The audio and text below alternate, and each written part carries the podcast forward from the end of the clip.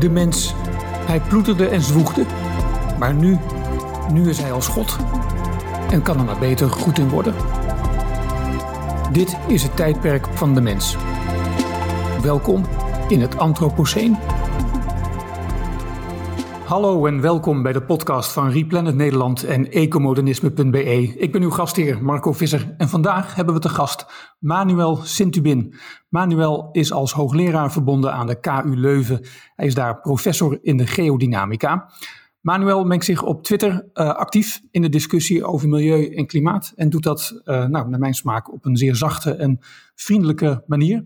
Manuel heeft uh, onlangs een boek geschreven, Wij Aarde. Het is verschenen in een reeks met klimaatessays en het is een heel prettig boek. Het is een, een geologisch en ecomodernistisch perspectief op klimaatverandering, al dus de ondertitel. Een boek waarin het ecomodernisme en zelfs uh, Replanet wordt, uh, wordt bezongen. Het eerste boek waarin Replanet een rol speelt, Manuel. Fijn dat je er bent. Goedemorgen. Wij uh, gaan het vooral hebben over jou, jouw kijk op de wereld, jouw kijk op klimaatverandering en het antropoceen. Um, wanneer merkte jij dat je als geoloog anders aankijkt tegen klimaatverandering dan andere mensen die deelnemen aan die discussie over klimaatverandering? Maar dan moeten we eigenlijk een beetje teruggaan in de tijd. Uh, toen, uh, ja, ook met, in de tijd van Al Gore, met zijn, uh, met zijn Inconvenient Truth, hè, dan kwamen er ook inderdaad vragen over lezingen rond de werking van de aarde uh, en dan ook rond klimaat. En ja, dan zie je uiteindelijk vrij snel dat je als geoloog toch op een andere manier kijkt naar, naar die discussie, naar die problematiek omdat ja, een geoloog gaat altijd van, vertrekken vanuit de werking van de planeet. Hoe werkt die planeet? En, en ook al, dus op een planetaire schaal, niet op een lokale schaal. En natuurlijk het, het belangrijkste element van uh, een, een geoloog of het, uh, is het tijdsaspect. Hè? Dus wij kijken altijd naar zaken op een totaal ander tijdsperspectief. Hè? En um, ik was toen ook geïnspireerd door uh, een boek van uh, Salomon Kronenberg, uh, collega in Nederlandse ja. geoloog.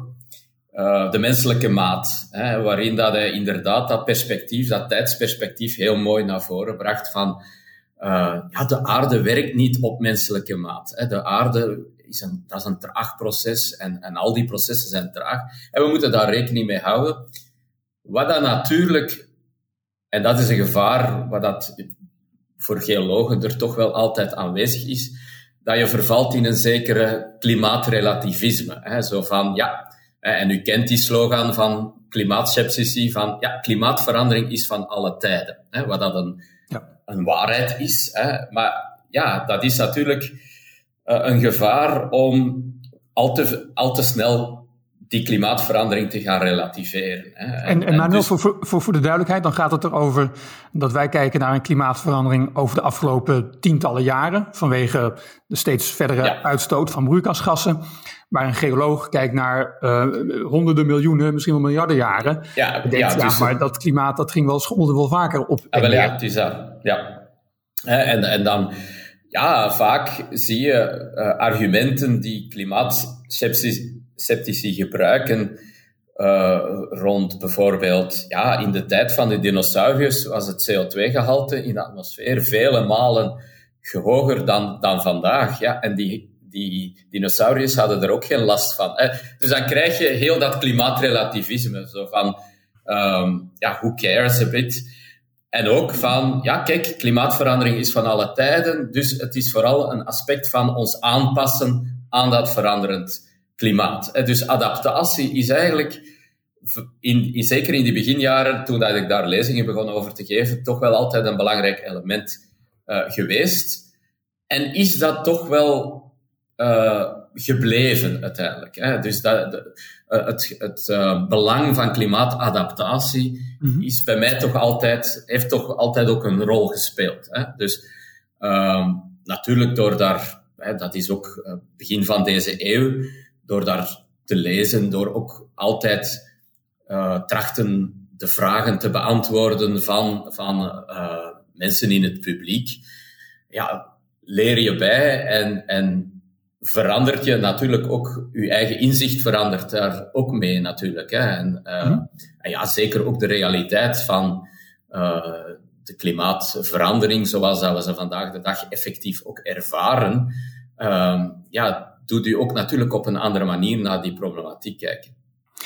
Ik ben toch benieuwd om iets meer te horen over hoe je als geoloog bijna automatisch aanschurkt tegen klimaatskepsis. Dit is dus ook met Salomon Kronenberg, eh, Kronenberg uh, gebeurd met zijn boek De Menselijke Maat. Um, volgens mij schrijf je ergens in het begin van je boek dat als jij nu een, de, de, een lezing terugleest die, die, jij zelf tien jaar geleden hield, dat jij dan ook wel denkt, oeh, dat, dat zou vandaag doorgaan voor uh, een klimaatskeptisch verhaal. Maar jij bent geen klimaatskepticus, even nee, voor absoluut alle niet. Absoluut niet. Nee. Laat ons daar duidelijk over zijn. Ja, waarom is dat? Dat is omdat net door het feit dat we hier over andere tijdschalen spreken, uh, dat je het geologisch verhaal niet kunt uh, uh, extrapoleren naar het menselijke verhaal, hè, naar de menselijke geschiedenis. Omdat alles gaat veel sneller dan het geologische verhaal. Hè. Dus we, we, zitten ook in een totaal anders perspectief. En inderdaad, het gaat niet, en daar verschilt weer het discours soms van ehm, van een geoloog of een, een geoloog die, die met klimaat bezig is dan ten opzichte van een ecoloog, laten we zeggen, die met klimaatdiscussie uh, bezig is. Vaak hoor je de, de slogan van we moeten de planeet redden. Hè. Ja, dan komt je, ja, dat komt dan voor een geoloog heel raar over. Die planeet hoef je niet te redden. Hè. Voor die planeet is dit gewoon een event, een verstoring in het systeem. En die planeet gaat dat overleven. Die planeet heeft al veel ergere dingen meegemaakt dan, uh, dan de mens, bij wijze van spreken ja. uiteindelijk. Hè. Maar, maar, maar gaan wij het redden? ah, ja. En dat is dus het grote verschil. Het gaat hier niet over de planeet as such, en, en zelfs eigenlijk wanneer dat we dat ook naar de biodiversiteitscrisis gaan kijken, ja, die, de, de planeet heeft ook al massa-extincties meegemaakt en de, de, biodiversiteit is nadien terug uh, naar hoger niveau gekomen. Oké, op geologische tijdschaal. Hè. Dat is dan een kwestie van honderdduizenden, miljoenen jaren. Dus vanuit een geologisch perspectief, of vanuit, ik zal zeggen, een aardsperspectief, is dit maar een rimpeling in, in de geschiedenis, bij wijze van spreken. Hè. Dus uh, ik zeg dat ook soms ja, dan zijn wij maar een akkefietje in het, in het, in het, uh, het, aardse verhaal. Maar het gaat eigenlijk inderdaad over onze toekomst, hè, uh, in eerste instantie. En dat is dan ook weer het gevaar, wat dat ik zeg, dat een geoloog zich vastrijdt in dat geologische perspectief. En dan eigenlijk het, uh, de veranderingen die effectief zijn en die een enorme impact hebben op onze maatschappij gaan wegrelativeren. Ja. En dat is een gevaar waar dat wij altijd mee geconfronteerd zijn als geoloog.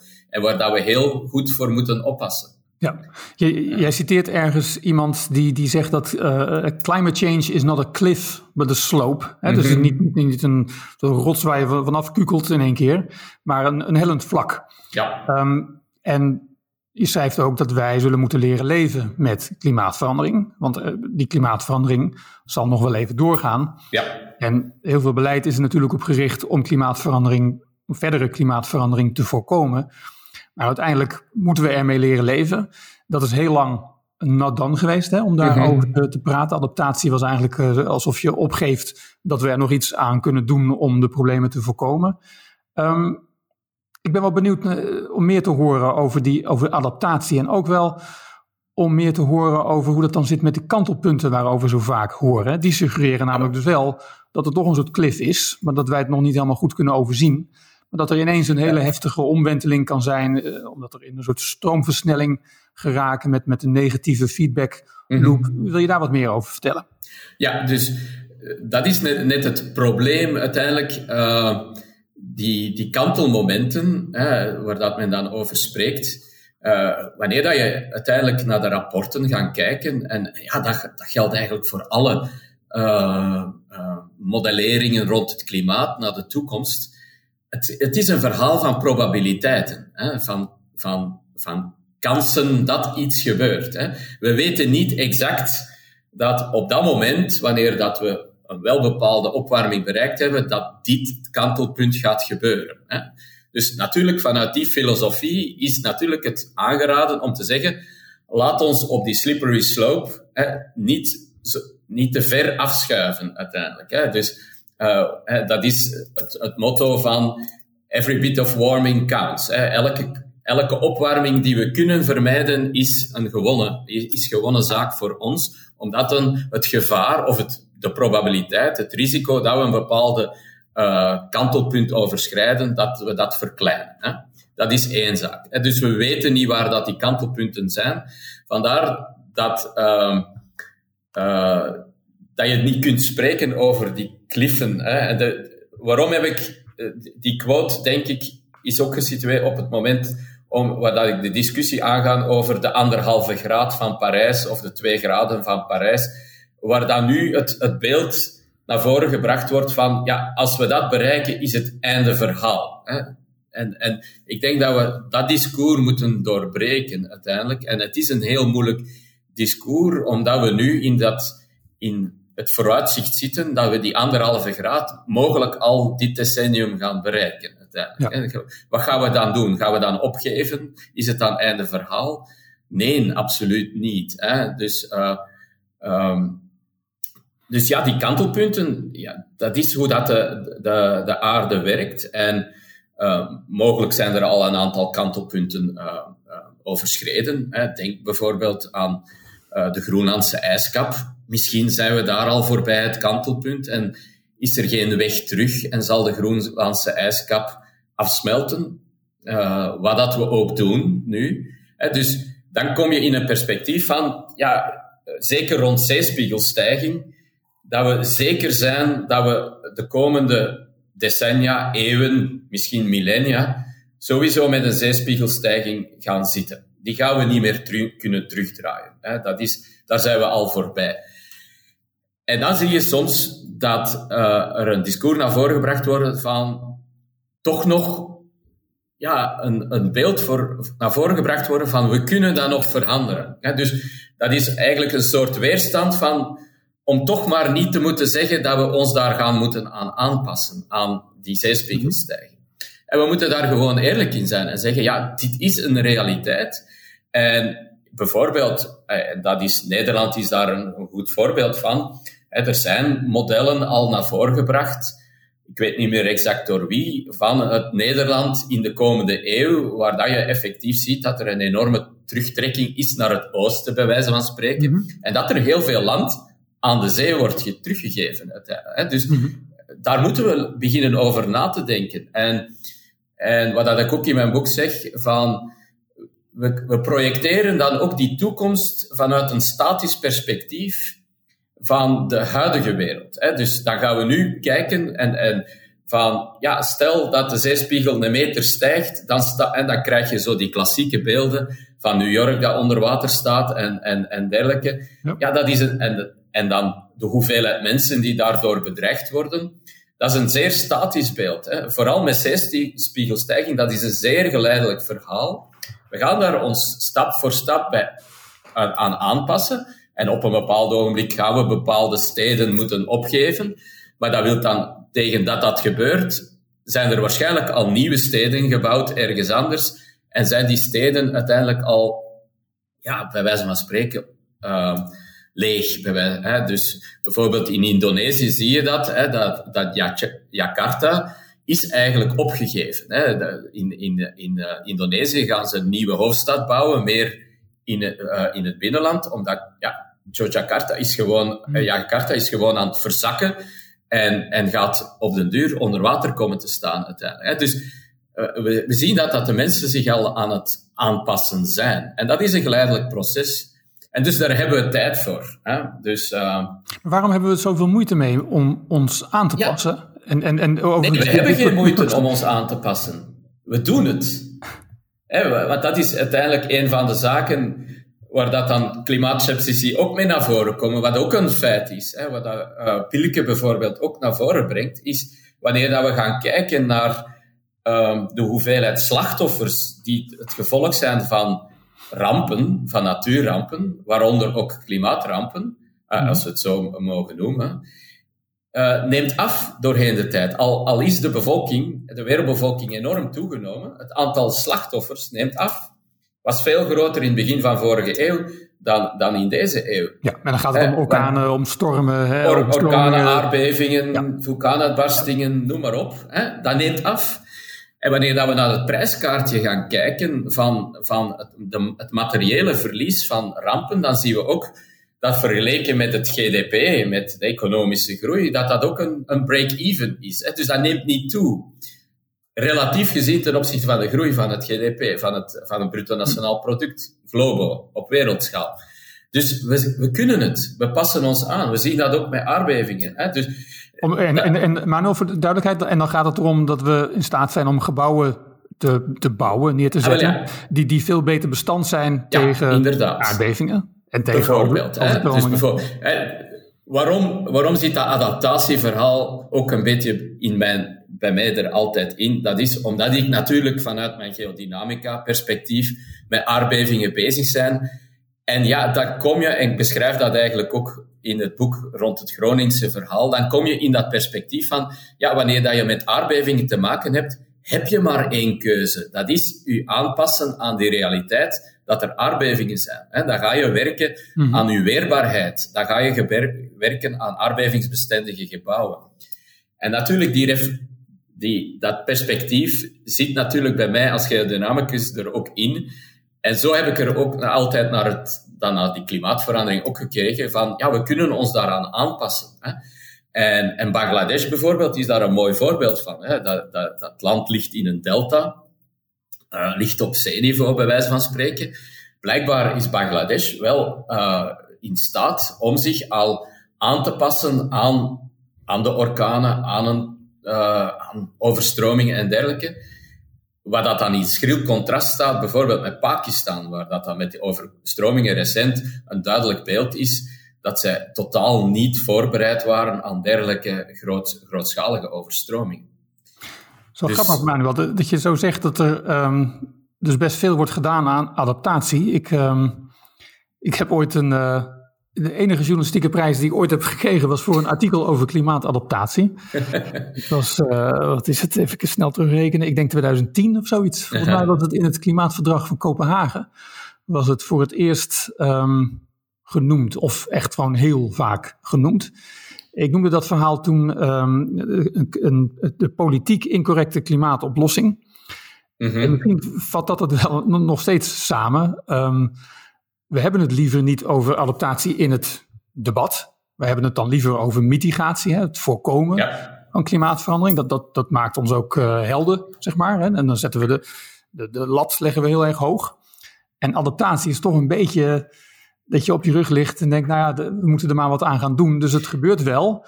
En het is ook belangrijk en het is nuttig, maar het gebeurt misschien meer achter de schermen, omdat het gewoon niet een heel aantrekkelijk verhaal naar buiten is. Wat denk jij? Dat is net het probleem. Hè? Dus uh, ik beschrijf dat eigenlijk ook een beetje van. Uh, ik ben nu de naam kwijt van de adviseur van, van Obama, die het eigenlijk zegde van je hebt drie, drie elementen. Je hebt je hebt het klimaatmitigatie, hè? je hebt klimaatadaptatie en je hebt het lijden. Dan is het te laat. Dan, dan zijn het slachtoffer van een uh, extreem weer of dergelijke. Hè? En dus uh, we gaan ze alle drie hebben. Hè? En dus waar dat we nu moeten mee spelen is uh, ja, te zorgen dat er zoveel, zo min mogelijk leed is, zo min mogelijk menselijk leed, zo min mogelijk schade. En dan hebben we die twee andere waar dat we mee kunnen spelen om dat leed te gaan vermijden, uiteindelijk. Hè. En um, ja, wanneer dat we teruggaan naar, naar de, het einde van de vorige eeuw, als op dat moment alles ingezet werd op klimaatmitigatie, daar kan ik inkomen. Hè. Uh, toen zagen we nog niet echt de, de extreme gevolgen van de klimaatverandering hè, op het einde van de vorige eeuw dat dan de nadruk lag op klimaatmitigatie, daar kan ik inkomen. Maar die doorheen, hè, nu 2020, is voor mij die verhouding um, veranderd uiteindelijk. We zien overal ter wereld de gevolgen van extreem weer en dergelijke. Dus we moeten nu vooral ook op korte termijn kijken om dat lijden zo, zo klein mogelijk te houden. En hoe kan dat op korte termijn? En hier zie je ook weer dat tijdsaspect komt er weer bij. Hè. Dat is altijd belangrijk vanuit een geologisch perspectief of perspectief van een geoloog. Ja, op korte termijn betekent dat adaptatie. We moeten ons nu als maatschappij, waar ook ter wereld, vooral aanpassen aan het extreem weer dat toch niet meer te vermijden valt. Hoe dat we er ook over denken. Want elke maatregel die we nemen op het vlak van klimaatmitigatie, daar gaan wij geen resultaat van zien. Daar gaan onze kinderen misschien al een beetje resultaat van zien. Maar dit is iets wat we doen voor onze achterkleinkinderen en de volgende generaties. Dus uiteindelijk gaan we effectief kiezen om alles in te zetten op die mitigatie. Wat dat je dan doet, is eigenlijk zeggen, we geven de huidige generatie, en vooral in het Global South, in het globale zuiden, dat geven we op. Die mensen, sorry mensen, het is, hè, we gaan ons volledig inzetten op klimaatmitigatie en we kijken naar het einde van deze eeuw, volgende eeuw. Hè. Mhm. Of zeggen we nu, nee, hè, we gaan, uh, ja, we zitten in een, zoals dat men soms zegt, een klimaatemergency, een, een noodtoestand. Ja, we gaan ons nu toch wel even focussen op die adaptatie en zorgen, vooral in de Global South weer, hè, dat, dat, die nadruk moeten we erbij leggen, dat we die gemeenschappen daar klimaatresistent maken, zo snel mogelijk. En daarin investeren. Dat is, eh, en als je dat op een verstandige manier doet, is dat bij mij denk ik een win-win situatie. Want het, het klimaatresistent maken van uh, gemeenschappen in de Global South zal altijd ook een effect hebben op het, in het mitigatieverhaal. Hè? Dus mhm. als we dat verstandig aanpakken. Ja. En ja, als je het mij vraagt nu, vandaag, 2020, is die balans toch wel een beetje in het voordeel van we moeten nu eventjes toch wel uh, klimaatadaptatie prioritair gaan stellen, zeker in de Global South. Mhm. ja, ja, Ik vind het wel heel knap dat je in het boek zo duidelijk um, uiteenzet dat klimaatverandering iets is waarmee wij um, zullen blijven leven, nog heel erg lang. En um, ik, ik snap, je hebt in, in jouw boek ook ergens een, een moment waarin je uitweidt in jouw kritiek over wat je deadlineism noemt. Hè? Dus het mhm. idee dat, je, dat we voor 2030 moeten we dit hebben gedaan, dan moeten we dat hebben bereikt. Uh, Obama die zei, uh, we zijn de eerste generatie die iets merkt van klimaatverandering en ook meteen de laatste die er nog iets aan kan doen. En het zijn allemaal van dat soort uitspraken die we vooral natuurlijk in activistische hoek horen die er ook wel een beetje toe bijdragen dat we denken, ja, het is uh, nu of nooit. En ook alsof we het op een, goed, op een goede dag hebben opgelost. Terwijl dat nou, volgens jou dus helemaal niet zo is. Het is iets waar we voortdurend mee bezig zullen moeten zijn. Uh, nog, uh, en dan gaat het niet over tientallen jaren, maar honderden jaren heb je het dan over en misschien nog wel langer. Hè? Want je bent immers geoloog, dus jij kijkt naar lange tijd, tijdsvakken. Wel ja, dat, dat is mijn. Ja, natuurlijk weer vanuit dat perspectief van een geoloog die altijd op langere termijn kijkt. Uh, ja, dan krijg je het. Dat, is heel moeilijk. Oké, we moeten in actie treden nu. Hè? Daar, is, daar, valt, daar is iedereen het over akkoord. Hè? Maar het perspectief is wel. Uh, nu wordt de indruk naar voren gebracht van. Ja, tegen 2050 leven we in het Walhalla, eh, dan hebben we alles opgelost, eh, 100% hernieuwbare energie volgens sommigen, enzovoort, enzovoort. Eh, of net zero hebben we dan bereikt. Ja, dat, er zijn een aantal kanttekeningen bij te maken. En wat dat ik ook zeg, voor mij de belangrijkste kanttekening is, ja, dat is die demografische transitie nog altijd. Die bepalend is voor wanneer dat we naar dat nieuwe evenwicht gaan streven. En we zien dat die demografische transitie, de wereldbevolking gaat zijn piek bereiken ergens 2060, 2080 uiteindelijk. En tegen het einde van de eeuw zitten we al terug in een, in een krimpscenario. Voor mij is dat het perspectief waarop dat we moeten werken. Het is pas, volgens mij, op het moment dat de wereldbevolking in, op maximum zit en terug in krimp gaat, dat we echt gaan kunnen spreken over een duurzame wereld.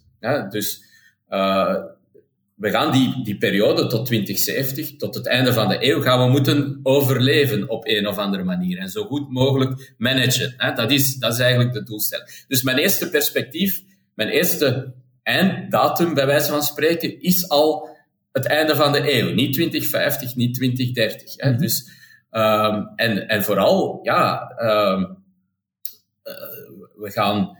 Allee, we moeten, de, de jeugd van tegenwoordig beseft dat eigenlijk niet, want zij gaan de eerste zijn die effectief met dat probleem van bevolkingskrimp gaan geconfronteerd worden in, in hun oude dagen, bij wijze van spreken. Uh, we staan daar veel te weinig bij stil dat dat een, een substantieel probleem gaat worden tegen het einde van de eeuw. Ja, omdat de, de, de, wereldbevolking een soort piek zal bereiken, volgens alle voorspellingen, ergens rond 9, uh, ja, tussen 9 en 10 miljard. En dat zal ergens deze eeuw uh, het Ja, ergens en tussen 2060, 2080, daar zal het ergens gebeuren. Ja. Uiteindelijk. En daarna ga je met een verouderde bevolking zitten uh, in, in globale bevolkingskrimp. En eh, eigenlijk, ja, uh, in Afrika gaat vooral de, de jeugd zitten en de jonge bevolking. Uh, Europa gaat een verouderd continent zijn.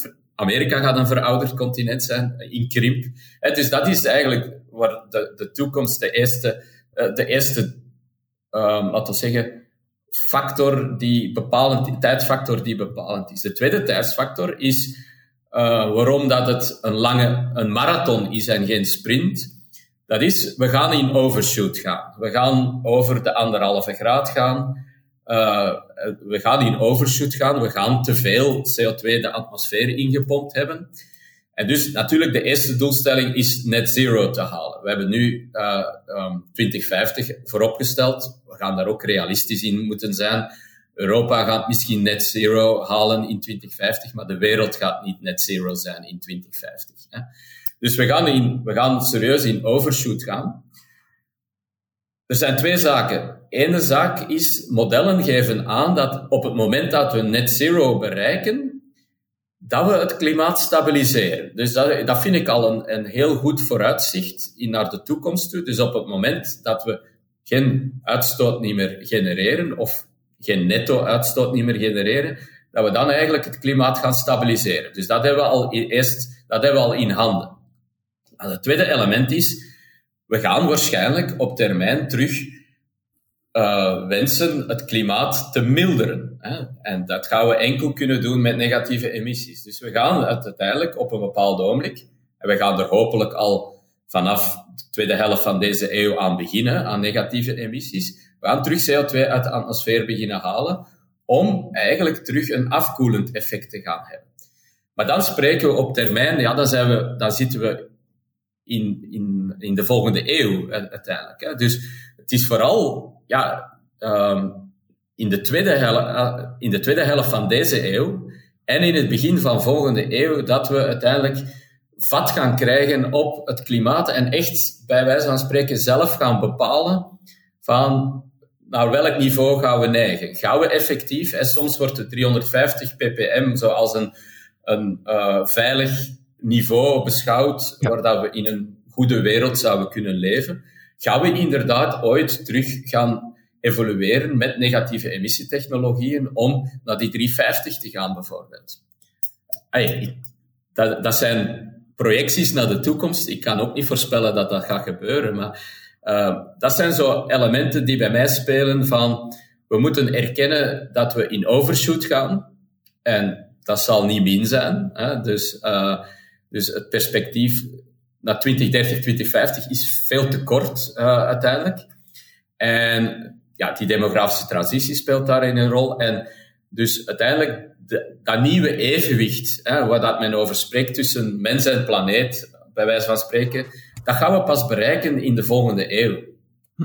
En het is op dat perspectief, op die tijdschaal dat ik kijk. Dus we moeten bij maatregelen ook altijd rekening houden uh, op, op, dat, op die lange termijn. Hè. En dan komt bijvoorbeeld dat zevende generatieprincipe van, van die Native Americans naar voren. Van ja, we moeten leren op lange termijn denken. En lange termijn is zelfs niet meer 2050, maar is 2100, zelfs 20 150 enzovoort. Mm En vandaar dat ik ook uh, teruggrijp naar dat idee of, of dat, um, het element van de mensen die bezig zijn met de diepe berging van radioactief afval, die zijn gewoon op, op die lange termijnen te denken. En we hebben daar veel over van te leren van die mensen, van hoe doen we dat op lange termijn denken en hoe nemen we de mensen daarin mee in een verhaal dat niet gaat over hunzelf, hun kinderen of hun kleinkinderen, maar gaat eigenlijk over generaties dat ze eigenlijk niet kunnen beseffen geen, geen familiale band mee hebben, bij wijze van spreken. Uh, nou, je geeft er wel een mooi voorbeeld van in je boek. Hè? Als het, uh, je, je stipt Onkalo aan, dat, dat is die, uh, de bergingsplaats in, in Finland, waar het hoogradioactief afval van de Finse kerncentrales mm -hmm. naartoe gaat. Um, jij, je, je bent de voorstander hè, van die geologische eindberging, ja. zoals dat eigenlijk ook overal het plan lijkt te zijn.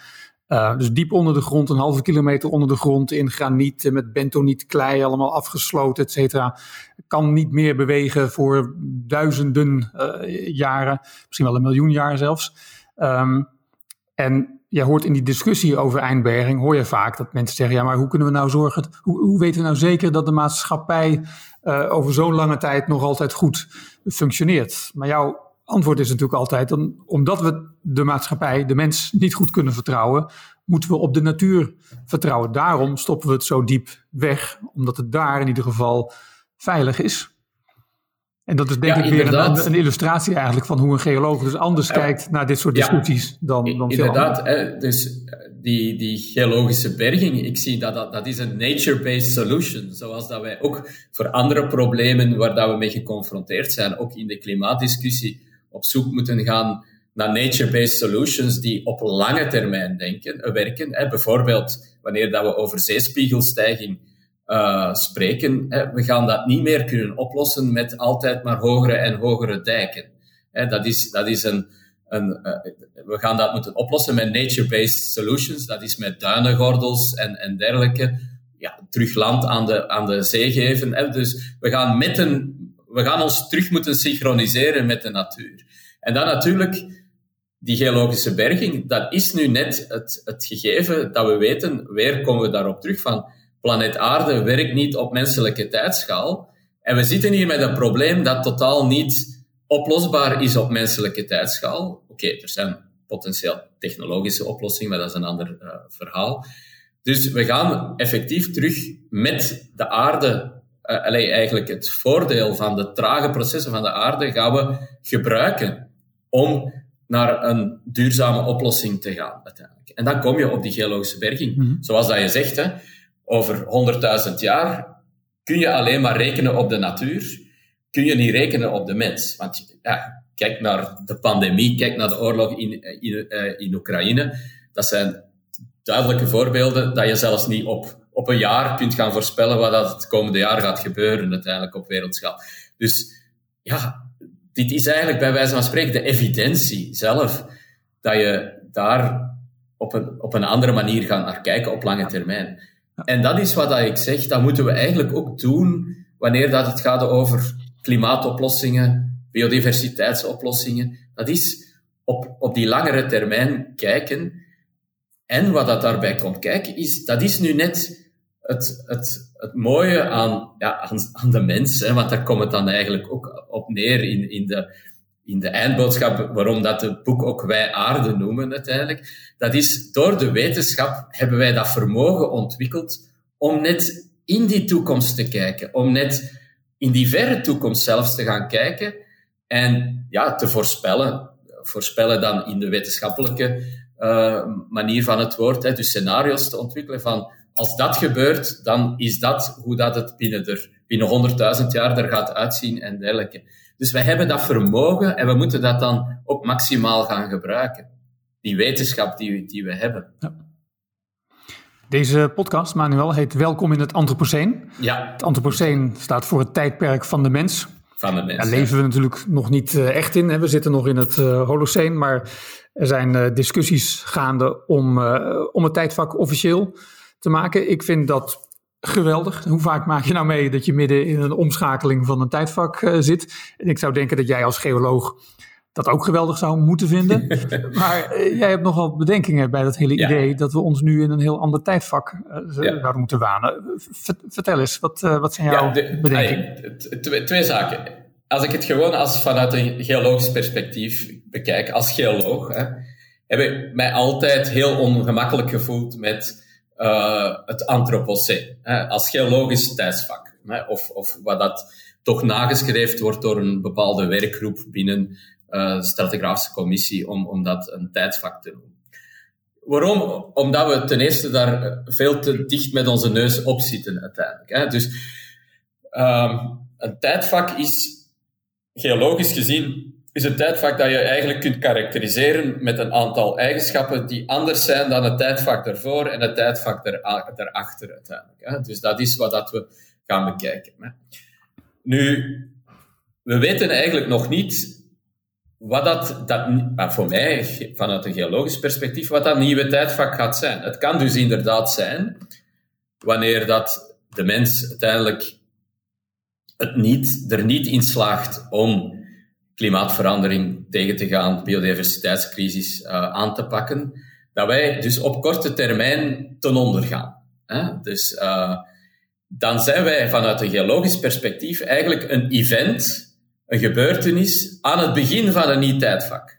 Dan zijn wij net zoals de impact uh, 66 miljoen jaar geleden. Die impact zelf is geen tijdsvak. Dat is het begin van een nieuw tijdsvak. Dus als wij het verbrotten, bij wijze van spreken, hè, er een zootje van maken en er zelf aan ten ondergaan, ja, dan gaan wij gewoon het begin zijn van een nieuw tijdvak, een event zijn. Hè. Dus uh, that's it. Hè.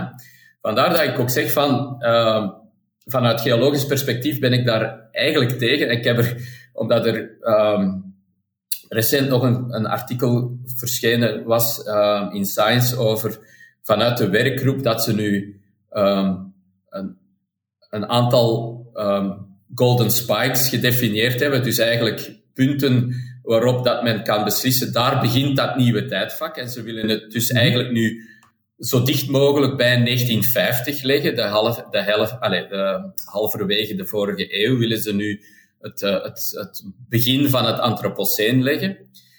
Um, ja, ik, ik heb dat gelezen en mijn eerste reactie was, en dat is ook vanuit dat perspectief van een geoloog, ja, als we het Anthropoceen in de geologische tijdschaal binnenbrengen, dat betekent eigenlijk dat je een einde maakt aan de geologische tijdschaal.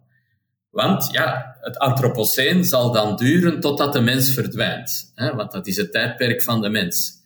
Ja, en als de mens verdwijnt, ja, dan is er niemand niet meer om een nieuw tijdvak te gaan bepalen. En is het dus gedaan met de, met de stratigrafie. Ah ja, het is een soort ultieme dus, tijdvak eigenlijk. Ja, dat is dan, dan, heb je eigenlijk de geologische tijdschaal afgesloten. Dus dat is puur vanuit mijn geoloog, perspectief van een geoloog ben ik er absoluut geen voorstander van. Terwijl dat ik vanuit dan meer in, eh, laten we zeggen, het ecologische perspectief, in het perspectief van waar dat we mee bezig zijn, ook, hè, zoals dat ook vanuit het ecomodernistisch perspectief, dat het een heel krachtige uh, term is, het antropoceen. Dus da daar moeten we mee aan de slag. Dat, ik denk dat we daar ook allemaal uh, de potentie van zien, van die term.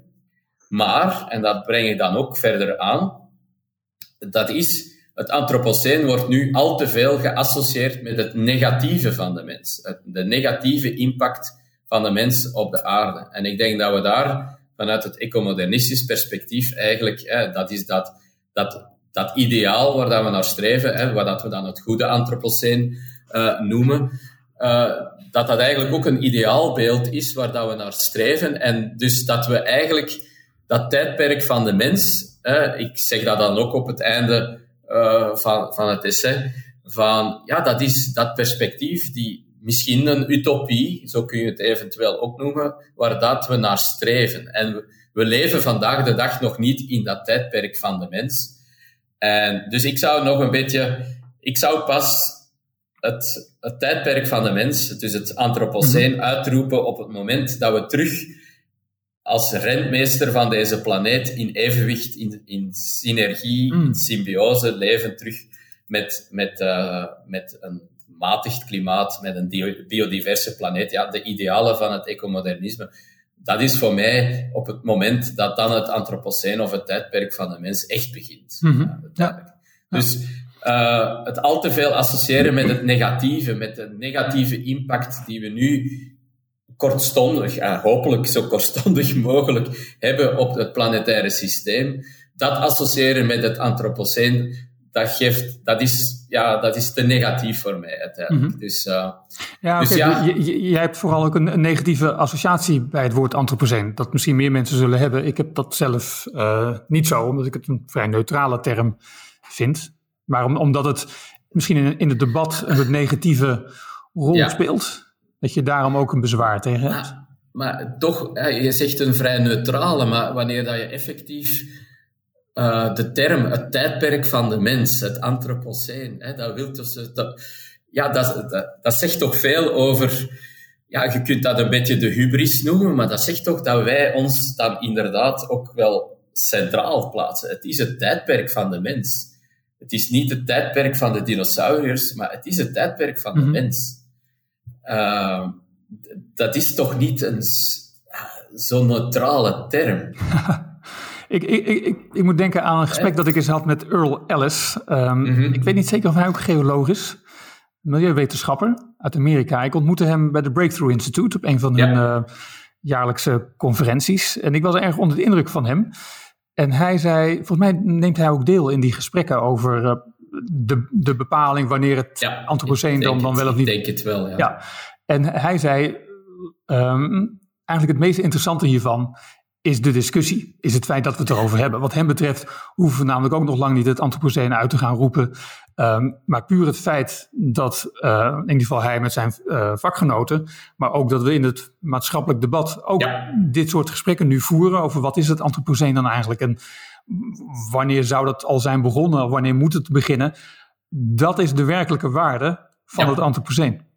Daar ben ik volledig met akkoord. Dat zeg ik ook. Hè. Het is, het is uh, als, als term in het debat heeft, heeft enorm veel betekenis. En, en ik denk dat we daar echt ook moeten um, het inderdaad over hebben. Wat, wat willen we echt, welke betekenis willen we echt geven aan dat tijdperk van de mens, aan dat antropoceen? Uh, zoals dat ik zeg, ik zie dat eerder als een ideaalbeeld waar dat we naar streven. Uh, terwijl anderen inderdaad het eerder zien als, ja, dat is uh, het moment dat de mens uh, de aarde aan het verknoeien is, bij wijze van spreken. Ja, dus, maar sommige uh, stemmen gaan daar natuurlijk over op, hè, dat het inderdaad um, vanaf dat moment moet, moet beginnen. Anderen zeggen, nee, het moet helemaal terug tot het begin van landbouw. misschien wel omdat mensen ja, denken dat we toen de aarde al zijn gaan vernietigen, ja. 10.000 jaar geleden. Ja, de facto zijn we op het moment dat we het, het vuur zijn gaan domesticeren, zijn we op dat moment zijn we een een speler geworden in het spel. Uh, een belangrijke speler in het spel. Dus, uh, maar ja, dan ga je al, dat is Homo erectus al die, die daarmee begonnen is. Dus maar toch dan moeten we nog verder teruggaan in ja, de tijd. Maar toch zie ik in jouw boek, uh, Manuel, wel een, wel het besef dat we nu wel in een kantelpunt ja. leven. Jij citeert Stuart Brand, die in de jaren 60 hè, als mm -hmm. voorloper van de milieu, een van de koplopers in de milieubeweging, uh, meegaf als opdracht: hè, We are as gods and might as mhm. well get good at it. En later paste hij dat aan, hè, een jaar of ja. tien geleden, in zijn boek Whole Earth Discipline. Um, we are as gods and should get good at it. Iets, iets als dat. We, we moeten er goed, it, have ja. Get, ja, precies. Ja, we moeten er goed in worden.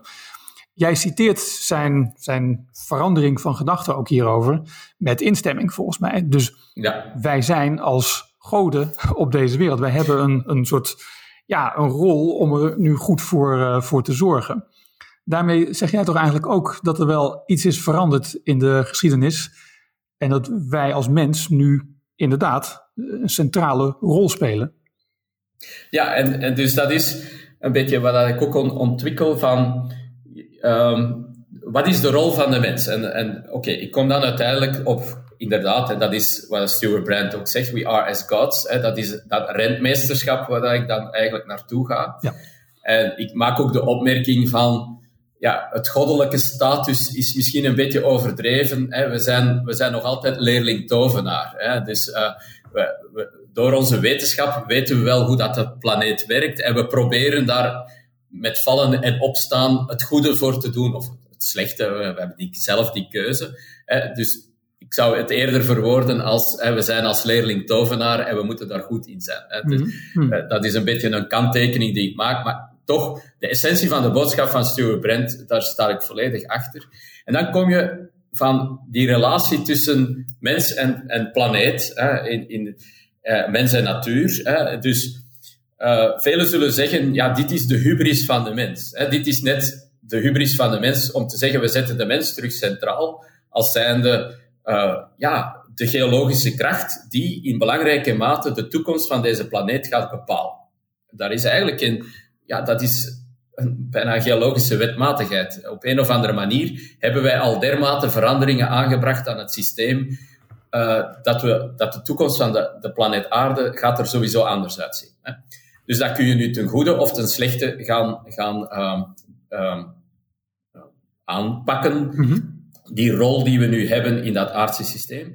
En dan zie je dat um, toch wel vanuit een klassieke ecologische beweging men dat principe van uh, eerder dat die hubris, hè, dat men dan de mens eigenlijk naast de natuur plaatst. En eigenlijk zegt van, we moeten terug in harmonie met de natuur gaan, gaan leven. Hè. Dus we moeten ons terug aanpassen en ons nederig gaan gedragen ten opzichte van die natuur. Terwijl, als je het Stuart Brand idee van we are as gods, dan, ja, dan is er niet, geen sprake van nederigheid dan, hè, dan zetten wij ons centraal in die natuur. Hè. Wij zijn de natuur, wij zijn deel van die natuur. Mm -hmm. en, maar wij hebben daar ook een belangrijke rol in te spelen in, in die natuur. Hè. Het is niet zomaar dat wij ons moeten neerleggen aan de wetten van de natuur, bij wijze van spreken. Nee, we hebben het zelf in belangrijke mate in handen, hoe dat, we het, uh, hoe dat de wereld en de natuur er verder um, gaat, gaat evolueren uiteindelijk. Dus dat is een beetje... Het is Uh, het, is, zijn wij, staan wij naast de natuur of staan we er middenin? En voor mij is het heel duidelijk, we staan er middenin, maar we zijn heel belangrijk geworden in dat natuurlijke ja, verhaal. En we moeten nu die verantwoordelijkheid opnemen. En dat is dat rentmeesterschap. Hè. We moeten nu al onze kennis, al onze technologie, hè, wat technologie is ook maar een uitdrukking van de natuur, bij wijze van spreken, gaan we nu maximaal moeten gebruiken om die verantwoordelijkheid op te nemen en om dat ideaalbeeld na te streven van een biodiverse planeet waar dat de mensen een goed leven hebben uiteindelijk. Hè. Dat is ons, ons doel. En dat is toch wel een, ik vind dat persoonlijk een, uh, een heel krachtige boodschap, waar dat je mensen met kunt activeren en mensen hoop kunt geven. Actieve hoop kunt geven van, ja, we kunnen het als we het willen uiteindelijk. Uh, en, en, en dat is ook waarom dat ik, ik schrijf dat ook uh, op het einde, waarom dat ik zo op een bepaald ogenblik dat ik het ecomodern uh, modernistisch manifesto gelezen heb en het ecomodernisme eigenlijk ontdekt heb, ja. waarom dat het voor mij een homecoming was. Ik voelde mij daar direct in thuis, omdat dat net dat element naar voren brengt uiteindelijk. Uh, van uh, die verantwoordelijkheid die we moeten ophebben en toch ook uitgaand van het enorme respect voor de natuur. Hè, wat dat ook verwoord staat in het, in het manifesto. Uh, die, die intrinsieke waarde van de natuur en van de planeet zit daar ook in. Mm -hmm. En dat, ja. dat is voor mij als geoloog, als houtwetenschapper, is dat een belangrijke ja is, is het ecomodernisme is daar een belangrijke aantrekking geweest voor ten opzichte van het eco, ecologisme, dat toch uitgaat van schuld en boete en, en, en ja, we moeten ons uh, nederig opstellen en, en, en terug in harmonie met de natuur gaan. En, en al wat dat wij doen en al wat dat van de mens is, is eigenlijk slecht. Ja, ja okay, dat is een, een idee dat, waar dat ik het moeilijk mee heb. Mm -hmm. En, en hoe omschrijf jij het ecomodernisme? Inderdaad, in, in het laatste hoofdstuk hè, uh, van je boek schrijf je -hmm. dat je daar uh, thuis bij voelt. En ook bij Replanet, dat je ook uh, met naam mm -hmm. noemt. Um, ik heb wel eens het idee, als je tien ecomodernisten vraagt om het ecomodernisme te omschrijven, krijg je tot tien keer een iets ander antwoord in ieder geval. Ik ben benieuwd, hoe, hoe, hoe ga jij het omschrijven? Ah, wel, het is dat. Dus bij mij, het, het, het belangrijkste is dus enerzijds wat ik net zeg, dat respect voor de natuur, voor de planeet. En het, uh, de, dus dat is al het eerste uitgangspunt. Ik denk dat we dat ook delen uh, met, met klassiek ecologisme natuurlijk, ja. hè, dus uh, in essentie. Maar dan toch wel bepalend voor mij is het, het, het toebedelen van die specifieke rol die de mens vandaag speelt. De mens met zijn wetenschap, zijn kennis, zijn technologie. En het erkennen, het erkennen eigenlijk dat we een geologische kracht zijn, dat wij bepalend zijn voor de toekomst van deze planeet. En dat we er dus inderdaad de verantwoordelijkheid hebben om dat goed te doen. Dat is wat dat je uh, dan, uh, wat ook eigenlijk nu um, de, de, de, slogan, de slogan is van, van uh, van Replanet uh, uiteindelijk. Ja, zelfs de term Replanet is, is al een, een, mooie, een mooie verwoording, maar de, de, de, de slagzin van uh, Replanet, Liberate Nature, Elevate Humanity, dat, dat, dat vat het eigenlijk heel mooi samen. En dat is inderdaad het tweede aspect dat ik belangrijk vind, dat toch wel ook veel aandacht besteed wordt aan de mens zelf en ervoor te zorgen dat alle mensen op aarde een, een, een goed uh, leven kunnen, kunnen hebben.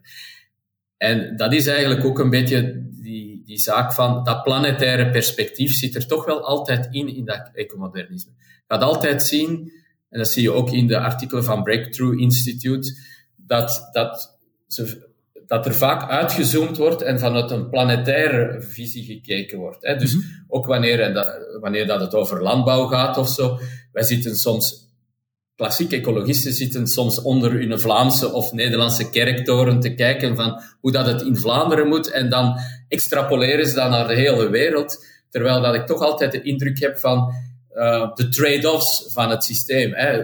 Wij zijn niet 100% tegen pesticiden of, uh, of 100% tegen dit. Het is altijd op zoek gaan naar die trade-offs van wat is het evenwicht en waar wat is het beste voor het globale perspectief? Eh, dat, dat is ook toch wel een element dat ik altijd terugvind in het ecomodernistisch discours. Ja. En zoals dat je zegt, hè, tien ecomodernisme en je hebt elf opinies. ik denk dat dat ook de kracht is van het ecomodernisme. Dat schrijf ik ook van. Wij, wij zijn er niet. Uh, wij erkennen dat we zoekende zijn. Dat we ook niet de waarheid in pacht hebben. En dat we eigenlijk het, het het beste trachten te zoeken van al wat dat er voorhanden is in onze, in onze uh, toolbox om uiteindelijk naar een bepaald ideaal te streven. Dus onze ideeën zijn niet... En dan komen we in dat, dat verhaal van de dogma's, bij wijze van spreken. Ik denk dat er geen dogma's zijn binnen het ecomodernisme. Hmm. Ja, dat zullen we onze critici eigenlijk moeten vragen. Hè? Die zullen vast zeggen dat, dat wij uh, techno-optimisten zijn. Hè? Dat wij geloven in de technofix. Dat dat ons dogma is, toch? Of economische groei is ons dogma? Eh, ja, ik, ja, dat ze dat dogma's noemen. Ja, ik, ik, denk, ik, ik schrijf het ook. Hè. Ik, ik zeg, ja, wij zijn inderdaad, of ecomodernisme zijn inderdaad vooral gericht op het het gebruik van het menselijk vernuft en de kennis en de technologie maximaal gebruiken. Omdat dat eigenlijk het instrument is waar, waar dat we het mee gaan doen uiteindelijk. Terwijl dat inderdaad ecologisten, klassieke ecologisten misschien eerder denken aan de maakbaarheid van de maatschappij. Ja. Maar we zien ook dat, hè, dat, is, dat de maakbaarheid van een maatschappij veel trager gaat en dat we eigenlijk ja. voor de ogenblik nu eigenlijk niet meer de luxe hebben om daarop te rekenen. Dat, inderdaad, hè, dat is een zeker geloof dat je hebt van. Um, ja, ik geloof ook eerder dat we veel snellere sprongen kunnen maken in onze technologische innovatie om die zaken te gaan aanpakken. En dan gaat het over alle mogelijke technologieën die ons uh, CO2-vrije energie, energie kunnen opleveren. Dan gaat het over alle ontwikkelingen die bezig zijn in de landbouw om ons uh, uh, naar plant-based, uh, naar die, die fermentatie-industrie enzovoort, ja. enzovoort. Dat zijn allemaal technologische oplossingen. We, en we zien eigenlijk het rondom ons gebeuren, hoe snel dat die technologische innovatie eigenlijk al aan het gaan is. Mm -hmm. En de hele uh, de, de, de acceleratie die er gebeurt in, in wind en zon, ja, dat is een technologisch verhaal. Dat is geen verhaal van maakbaarheid van maatschappij. Dat is een puur technologisch verhaal. Ja.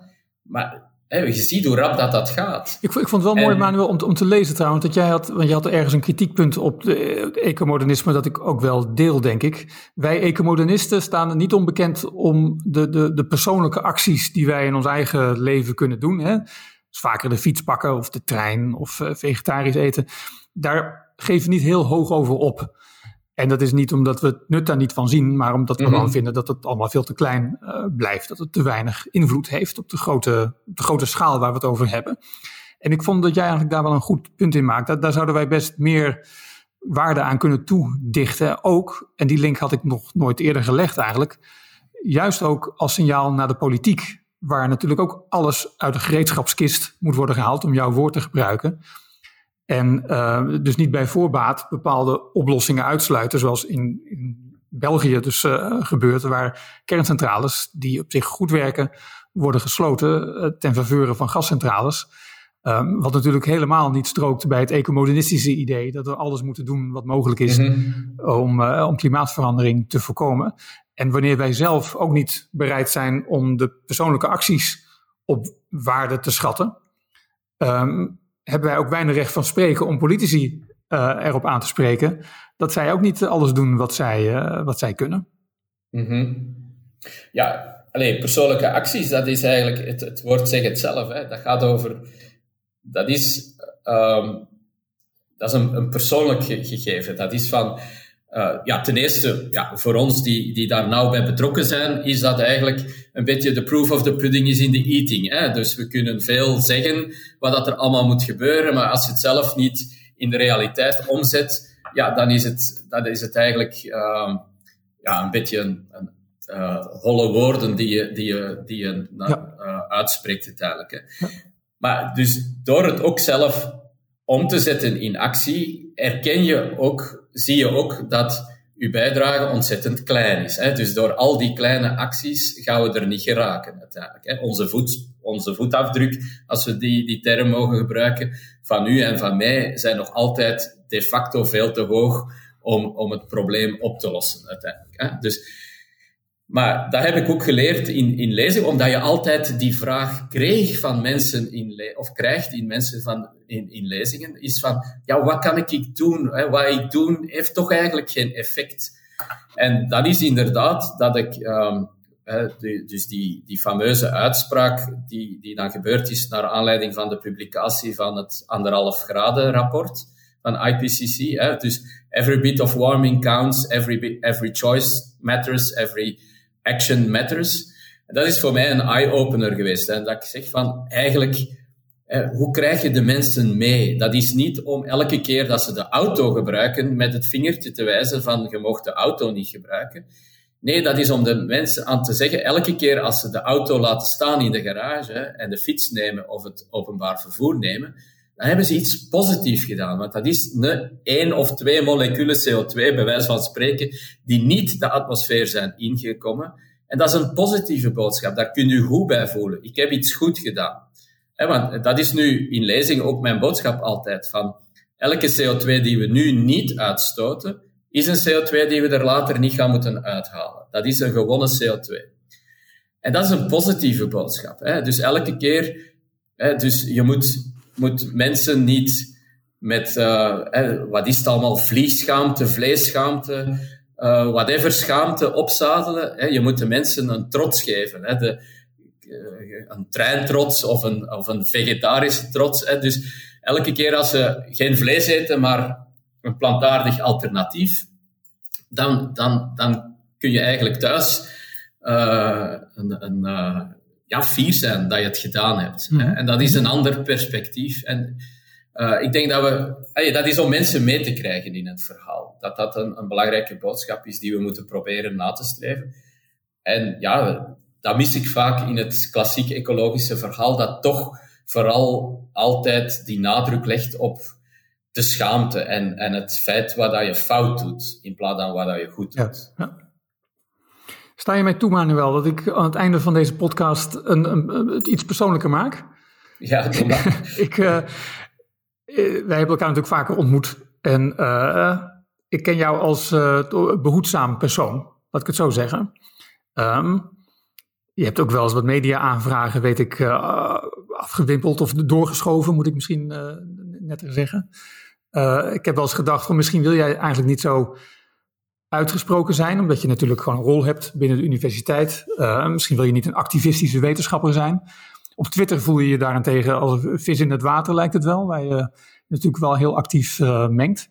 Maar klopt mijn indruk dat je lange tijd aarzelend bent geweest om jezelf ecomodernist te noemen. En dat dit keer in het boek de eerste keer is dat je dat zo duidelijk doet. Ja, ja. Dat denk, uh,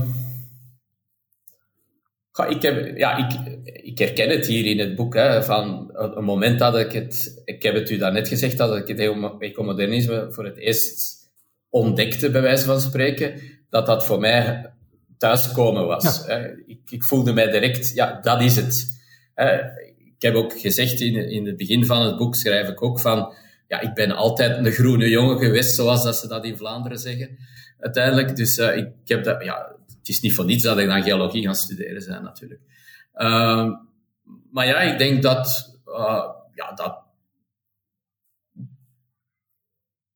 dat ik er eigenlijk nu geen enkel probleem meer heb, ook met, met hetgeen wat dat gaande is, ook vooral aan de Europese kant, met Replanet, dat toch wel een andere, volgens mij toch wel een andere, meer um, gematigde invulling geeft van het ecomodernisme ten opzichte van de Amerikaanse kant van de zaak. Dus uh, zeker met de omvorming naar Replanet, mm met al wat dat er ook ge, uh, rond voedsel en dergelijke gebeurt, voel ik mij daar ook er is nu een Europese poot, volgens mij, aan het ontstaan van het mm ecomodernisme, dat veel gematigder is um, en, en veel meer op die trade-offs gaat, gaat focussen.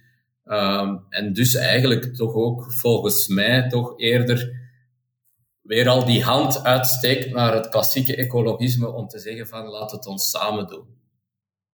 Ja, het is interessant dat je dat zegt zo, Manuel. Eh, ik herken het ergens wel aan de andere kant, Replanet heeft juist uh, met onze Reboot Food campagne. En maken we een sterk pleidooi voor precisiefermentatie. Ja, ja, ook wel echt het afbouwen van veeteelt. Mm -hmm. Zover zouden de Amerikaanse ecomodernisten, om de Breakthrough Institute maar zo te noemen, uh, zover zouden zij nooit, nooit gaan. Dus er is ook wel weer een radicaal. Uh, het is een, misschien een opmerkelijke mengeling toch weer van gematigde ja, ja. standpunten en, en radicale. Hè? Maar waar was je dan al die tijd bang voor? Want je, hebt je, dus, je, zegt wel dat het ecomodernistisch manifest was zo'n homecoming voor jou. Vooral omdat, uh, waar dat ik, ey, dat, dat is de frustratie dan die dan boven komt. Omdat er altijd uh, dermate een karikatuur van gemaakt werd. Uh, en, en dat je dan altijd daar moest tegen opboksen. Terwijl dat er nu een zekere maturiteit aan het ontstaan is, ook binnen het ecomodernisme, met Replanet bijvoorbeeld. Mm -hmm. En uh, dat, dat het nu ook duidelijk is dat, uh, dat het meer en meer ingang vindt in het, in, in het globale discours. En dus dat, uh, dat het nu de, de moment ook is om, dat, om die keuze duidelijk te, te stellen. Ik zal het zo zeggen. Mm -hmm. om, om daar geen. geen om duidelijk te stellen van kijk, dit is een valabele ecologische beweging en uh, die, daar moet rekening mee gehouden worden. Prachtig. Manuel, mag ik je hartelijk danken dat je vandaag te gast wilde zijn bij Welkom in het Anthropoceen. Zat je toch een uur lang in het Anthropoceen? Uh, even niet het Holensveen. En luisteraar, mag ik u van harte aanbevelen om het boek dat Manuel schreef te gaan lezen. Wij Aarde heet het. Bedankt voor het luisteren. Voor meer afleveringen van onze gesprekken over een schone planeet en een goed leven voor iedereen kunt u zich abonneren op Welkom in het Anthropoceen via ons kanaal op Spotify, Soundcloud of YouTube of zoek ons op bij andere bekende platforms voor podcasts. Deze podcast is een samenwerking van Replanet Nederland en ecomodernisme.be. Met dank aan Roman van Ree voor de techniek. Graag tot een volgende keer.